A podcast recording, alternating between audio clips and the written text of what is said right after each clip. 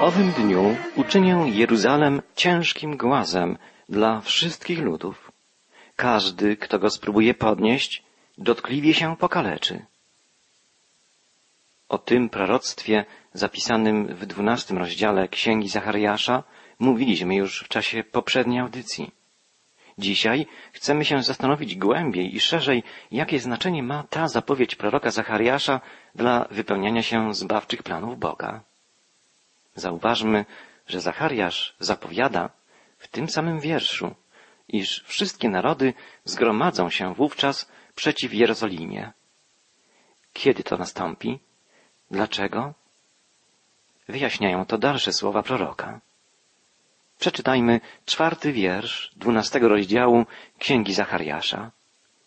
W owym dniu wyrocznia Pana porażę każdego konia trwogą, a jeźdźca obłędem. Lecz na naród judzki spojrzę łaskawie, wszystkie zaś konie pogan porażę ślepotą. Bez wątpienia Zachariasz prorokuje tu o czasach eschatologicznych, czasach ostatecznych. Poznając zapowiedzi kolejnych proroków Starego Testamentu, w tym tych największych Izajasza, Jeremiasza, Ezechiela, słyszeliśmy niejednokrotnie słowa mówiące o wielkim ucisku, który ma nadejść na Jerozolimę, Judę, na cały Izrael. Teraz Zachariasz zapowiada, że w owym dniu, w dniu pańskim, który będzie czasem ostatniej próby, czasem doświadczeń przed nadejściem Mesjasza, przeciwko Jerozolimie zwrócą się wszystkie narody ziemi. Prorok mówi o udręce i ocaleniu Jerozolimy w czasach końca historii. Możemy jednak powiedzieć, że w jakimś stopniu doświadczenia udręki, wrogości, napaści wielu wrogów występowało w dziejach Jerozolimy już wielokrotnie, zarówno w starożytności, jak w erze nowożytnej. Wiele razy Jerozolima była niszczona, burzona, palona, równana z ziemią. Najbardziej znaczące fakty z okresu starożytnego są, przypomnijmy krótko, następujące. W 586 roku przed Chrystusem Jerozolima została zburzona. Południowe królestwo Judy poddało się ostatecznie Nebukadnezarowi, królowi babilońskiemu. Zdobył on i zniszczył Jerozolimę, burząc pierwszą świątynię. Arka Przymierza zaginęła właśnie w tym czasie.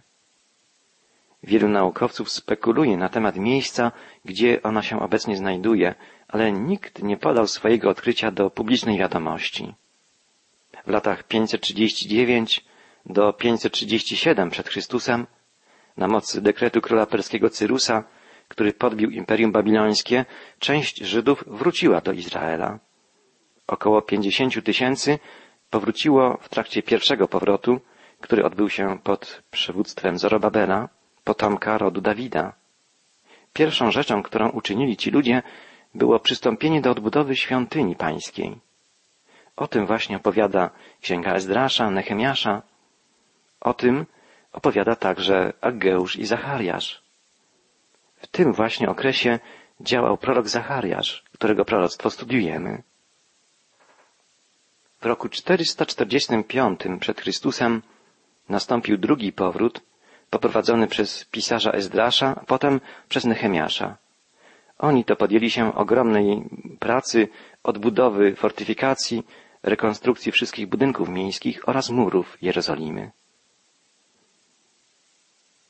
W 350 roku przed Chrystusem Persowie zdobyli Jerozolimę ponownie. Następnie w 332 roku przybyli tam Grecy pod dowództwem Aleksandra Wielkiego. 332 rok, a więc czwarty wiek przed naszą erą. Po śmierci Aleksandra Macedońskiego jego imperium zostało podzielone pomiędzy trzech jego głównych dowódców. W 313 roku Ptolomeusz I rządził Jerozolimą, mając swą siedzibę w Egipcie. Następnie w roku 170 przed Chrystusem król syryjski z dynastii Seleucydów, Antioch IV Epifanes, splądrował Jerozolimę i zmusił Żydów do zaprzestania oddawania chwały Bogu. Zmuszał także Żydów do oddawania chwały pogańskim bożkom greckim. W tym okresie wielu Żydów poddało się helenizacji, naśladując greckie obyczaje. Kiedy Antioch IV Epifanes bezcześcił świątynię poprzez złożenie ofiary ze świni na ołtarzu Boga i zmuszał Żydów w miasteczkach i wioskach do robienia tego samego, przerosło to wytrzymałość wielu religijnych Żydów. I dlatego w latach 167 do 164 miało miejsce powstanie żydowskie pod wodzą Machabeuszy, zwanych też Hasmonejczykami. Prowadzone było na początku przez Matatiasza, pochodzącego z kapłańskiej rodziny Hasmonejczyków, a po jego śmierci przez jego syna Judę, znanego jako Machabeusz. Juda Machabeusz, czyli młot. W 165 roku przed Chrystusem Hasmonejczycy zdobyli świątynię, którą oczyścili i przygotowali do ponownego składania ofiar. Machabeusze mieli wówczas oliwę do świecznika świątynnego w ilości wystarczającej tylko na jeden dzień. Mimo to Bóg sprawił, że oliwa ta paliła się przez osiem dni, czyli przez czas, który wystarczył na przygotowanie nowej oliwy do świecznika świątynnego. Ten cud zapoczątkował nowe święto żydowskie, święto Hanuki, które jest obchodzone po dzisiejszy dzień. Jezus również celebrował to święto, znane też jako święto poświęcenia świątyni. Czytamy w Ewangelii Jana w dziesiątym rozdziale Obchodzono wtedy w Jerozolimie uroczystość poświęcenia świątyni. Była zima. Królestwo Machabeuszy odnosiło spore sukcesy i osiągnęło niezależność od Seleucydów. Władcy hasmonejscy stali się dynastycznymi królami i odzyskali granice niewiele mniejsze od królestwa Salomona. W okresie dynastii hasmonejskiej, czyli machabejskiej, która trwała około 80 lat, od roku 142 do 63 przed Chrystusem, dokonano politycznej konsolidacji państwa pod żydowskim panowaniem i życie Żydów w Jerozolimie ponownie rozkwitło. W roku 63 przed Chrystusem Rzymianie pod wodzą Pompejusza Wielkiego najechali znowu na teren państwa żydowskiego. Udzielili ograniczonej władzy królowi hasmonejskiemu Hyrkanowi II, który był jednak podporządkowany rzymskiemu gubernatorowi w Damaszku. Żydzi nie przyjęli dobrze rzymskich rządów. Pokazały to później liczne powstania. Ostatnią próbę przywrócenia poprzedniej chwały dynastii podjął Matatiasz z Antygon w roku 40 przed Chrystusem. Jego porażka i śmierć trzy lata później z rąk Rzymian oznaczała koniec panowania Machabeuszy, a ziemia stała się wasalną częścią Imperium Rzymskiego. W 37 roku przed Chrystusem Herod został wyznaczony przez Rzymian na króla Judei. Pomimo, że nie miał żadnej władzy w kwestiach polityki, miał prawie nieograniczoną autonomię wewnętrznych sprawach kraju. Stał się jednym z najpotężniejszych monarchów we wschodniej części Imperium Rzymskiego. W Nowym Testamencie możemy odnaleźć nazwy regionów, które znajdowały się pod jego wpływem. Były to Judea, Samaria i Galilea, na zachód od rzeki Jordan, oraz Dekapolis i Perea, na wschód od Jordanu. Herod był znany jako bardzo dobry, wręcz wielki budowniczy. Wybudował duże miasta portowe. Jedno z nich nosiło nazwę Cezarea, nazwano je tak na cześć Cezara. Zbudował też potężne twierdze. Herodion na południowym wschodzie od Betlejem i Masadę na zachodnim wybrzeżu Morza Martwego. Największym osiągnięciem Heroda była jednak odbudowa Jerozolimy, w tym wieloletnia rozbudowa i upiększenie drugiej świątyni, rozpoczęte w dwudziestym roku przed Chrystusem. Znamy tę świątynię z relacji, z opisów ewangelistów i z wypowiedzi samego Pana Jezusa. Niestety w siedemdziesiątym roku naszej ery, po stłumieniu żydowskiego powstania wznieconego przez Żelotów przeciwko panowaniu Rzymian, wojska pod wodzą Tytusa zdobyły Jerozolimę, zrujnowały miasto i zburzyły drugą świątynię. Tak rozpoczęły się burzliwe dzieje Jerozolimy w erze nowożytnej. Oto jedynie kilka faktów z bolesnej epopei tego miasta. Przypominam, że tym razem chodzi o wydarzenia po narodzeniu Chrystusa, wydarzenia naszej ery. Na początku VII wieku, u zarania islamu, Jerozolima wiele razy przychodziła z rąk do rąk. W roku 614 Bizantyjczycy stracili Jerozolimę na rzecz Persji. W roku 638 nadciągnęły wojska islamskie pod wodzą kalifa Omara ben Hatawa, które zdobyły Jerozolimę i całą krainę izraelską, poddając je pod rządy islamskich Arabów. W latach 688 do 91 Abdal Malik wybudował na górze świątynnej kopułę skały, czyli meczet Omara. Choć jest to najbardziej charakterystyczna i wyróżniająca się budowla na górze świątynnej, znacznie bardziej świętym miejscem dla muzułmanów jest meczet Al-Aqsa, który wcześniej był kościołem bizantyjskim, a dopiero później przebudowano go na meczet. Arabowie wierzą, że Mahomet zatrzymał się w tym miejscu w jego drodze do nieba, chociaż Jerozolima nie jest wspomniana w żadnym miejscu Koranu. Życie pod panowaniem islamskim trwało nieprzerwanie przez około 400 lat. W XI wieku zaczął narastać konflikt pomiędzy muzułmanami i chrześcijanami. W 1009 roku islamski kalif Hakim nakazał zburzyć na terenie krainy biblijnej wszystkie kościoły i synagogi. W roku 1096 pierwsi krzyżowcy z Europy zdobyli Jerozolimę. Panowanie krzyżowców trwało aż do roku 1291. Kiedy krzyżowcy wkroczyli do kraju, mordowali muzułmanów, a także Żydów. Zabili również wielu chrześcijan, ponieważ wyglądali oni jak mieszkańcy Środkowego Wschodu, a zatem potraktowano ich jak muzułmanów. W Jerozolimie Żydzi modlili się w swych synagogach o Boże miłosierdzie, kiedy zostaną znalezieni przez chrześcijan. Według relacji krzyżowców podłożyli oni drewno pod synagogę, po czym palili Żydów żywcem, śpiewając przy tym hymn Chryste, chwała Tobie. Ci, którzy nie zostali zabici, byli sprzedawani jako niewolnicy. Są to tragiczne, mroczne karty w historii Kościoła. W roku 1187 muzułmański wojownik Saladyn odbił Jerozolimę z rąk krzyżowców.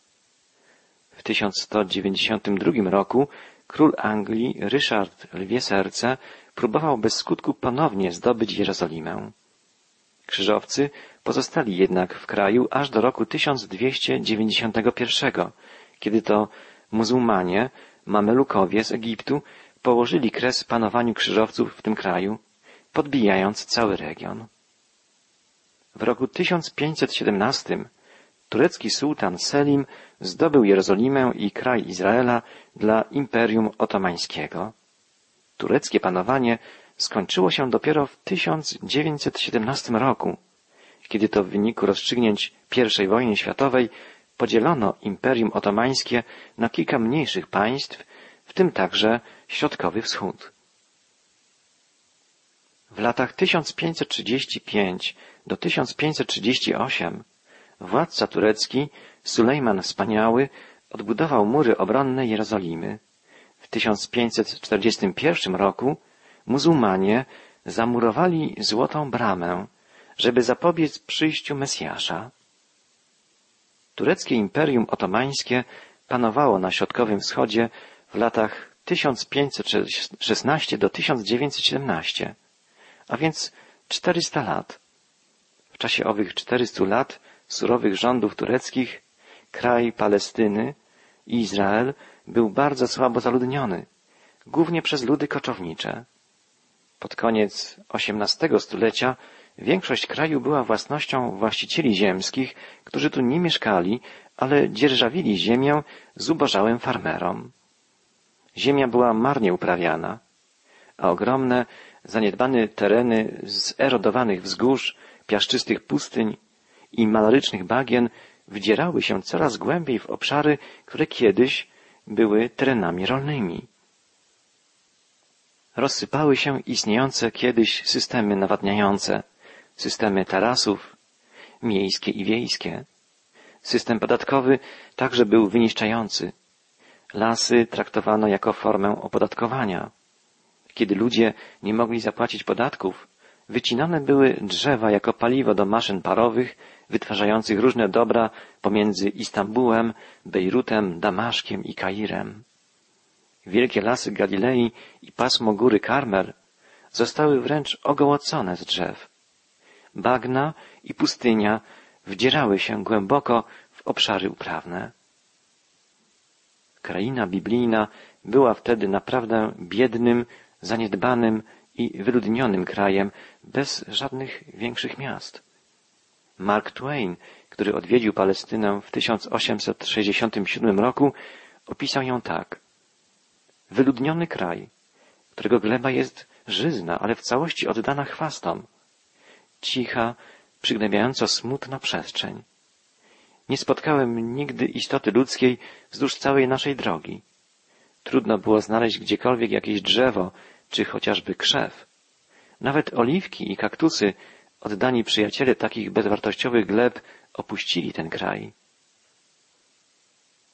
Raport Brytyjskiej Komisji Królewskiej do spraw Palestyny tak opisywał warunki panujące na nidzinie nad Morzem Śródziemnym w 1913 roku, a więc w przeddzień I wojny światowej. Droga prowadząca z Gazy na północ jest szlakiem słonecznym odpowiednim jedynie dla transportu wykorzystującego wielbłądy i wozy. Nigdzie nie ma pomarańczowych zagajników, a sady i winnice widzieliśmy dopiero w małej wiosce Jawna. Wszystkie domy zbudowane są z mułu. Szkoły nie istnieją. Zachodnia część, blisko morza, w większości jest pustynią. Wiosek na tym obszarze było raptem kilka i to skąpo zaludnionych. Wiele wiosek opuszczonych jest przez swych mieszkańców. Francuski słynny pisarz Voltaire opisał krainę biblijną jako ponure, beznadziejne miejsce. Krótko mówiąc, rządy tureckie, muzułmańskie doprowadziły do zaniedbania, opuszczenia i wyludnienia kraju. Dzisiaj ziemia Izraela znów tętni życiem. Zostało ono przywrócone, kiedy Żydzi zaczęli wracać do tego kraju pod koniec XIX wieku. Proces ten nie odbywał się bez trudności. Kiedy czytamy Księgę Jozłego, to widzimy, że chociaż sam Bóg powiedział, iż wprowadzi Izraelitów do ziemi obiecanej, którą On sam im przecież dał, wejście do tego kraju nie odbyło się bez wielkich problemów.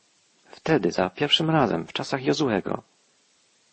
W latach osiemdziesiątych XIX wieku, kiedy ciągle jeszcze panowali nad tym obszarem Turcy, rozpoczął się proces, który sprawiał wrażenie, jak gdyby ktoś w ziemi izraelskiej włączył gigantyczny e- elektromagnes. Żydzi zaczęli wówczas emigrować z wielu stron.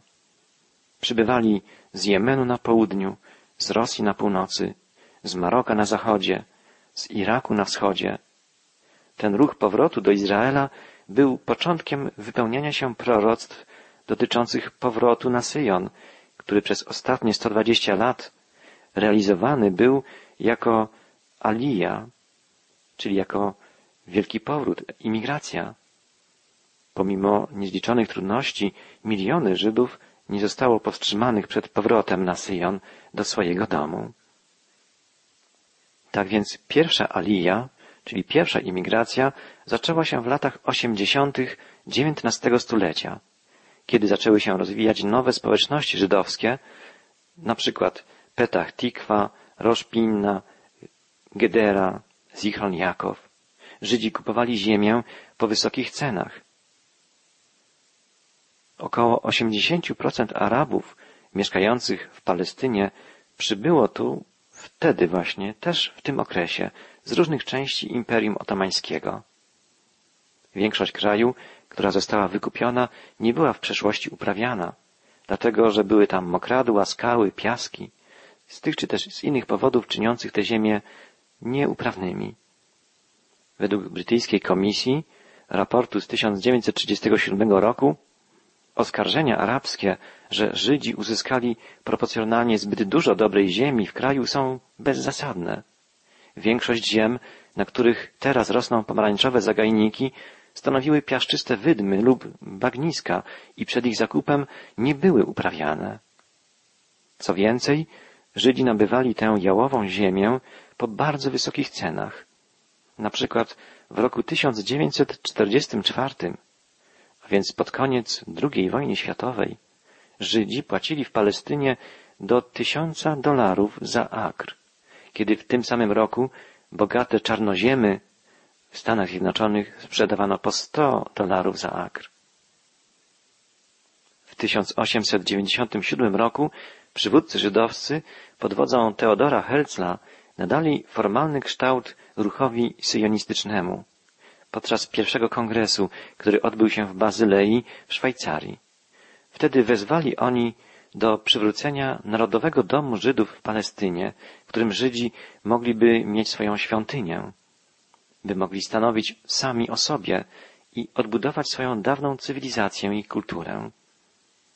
Ogromny wpływ na Herzla miał William Hechler, biblijnie wierzący protestant, chrześcijański sionista. Zachęcał on go i motywował do kontynuowania wytoczonego sobie celu, żeby w ziemi palestyńskiej, jak ją wtedy zwano, ustanowić państwo żydowskie. Hechler był motywowany przez proroctwa biblijne.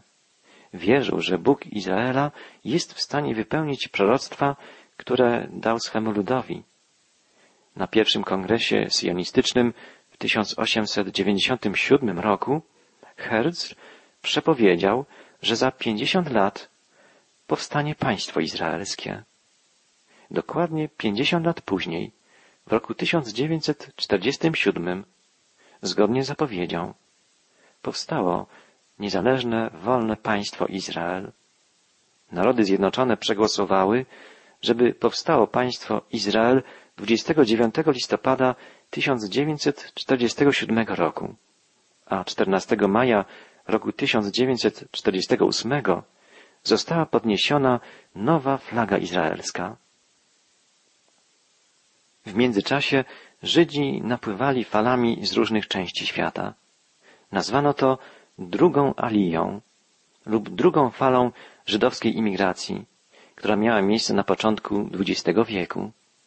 Przybywali oni z Rosji w wyniku pogromów organizowanych tam przeciwko obywatelom żydowskim. Film Skrzypek na dachu pokazuje, jak wyglądało w tym czasie życie Żydów w Rosji, kiedy to wielu z nich zostało zmuszonych do opuszczenia tego kraju. Tak więc państwo żydowskie odzyskało niepodległość dopiero po II wojnie światowej. Pełną wolność odzyskało w 1948 roku. Ale to współczesne państwo Izrael nadal, bez przerwy, jest szarpane nabrzmiałymi konfliktami, atakami terrorystów. Jerozolima jest najbardziej niespokojnym miastem, jest zapalnym punktem na mapie świata. Prorok Zachariasz zapowiedział, że u kresu dziejów, w czasach ostatecznych, Jerozolima jeszcze raz zostanie zaatakowana przez licznych wrogów, ale ocaleje, zwycięży dzięki interwencji samego Boga. Zachariasz wołał w imieniu Pana. W owym dniu sprawię, że przywódcy judzcy będą jak kocioł na ogniu i jak żagiew płonąca wśród snopów i wyniszczą wszystkie sąsiednie ludy na prawo i lewo. Jeruzalem jednak pozostanie nadal na swoim miejscu. Jerozolima przetrwa, pozostanie na swoim miejscu i będzie stolicą mesjańskiego królestwa.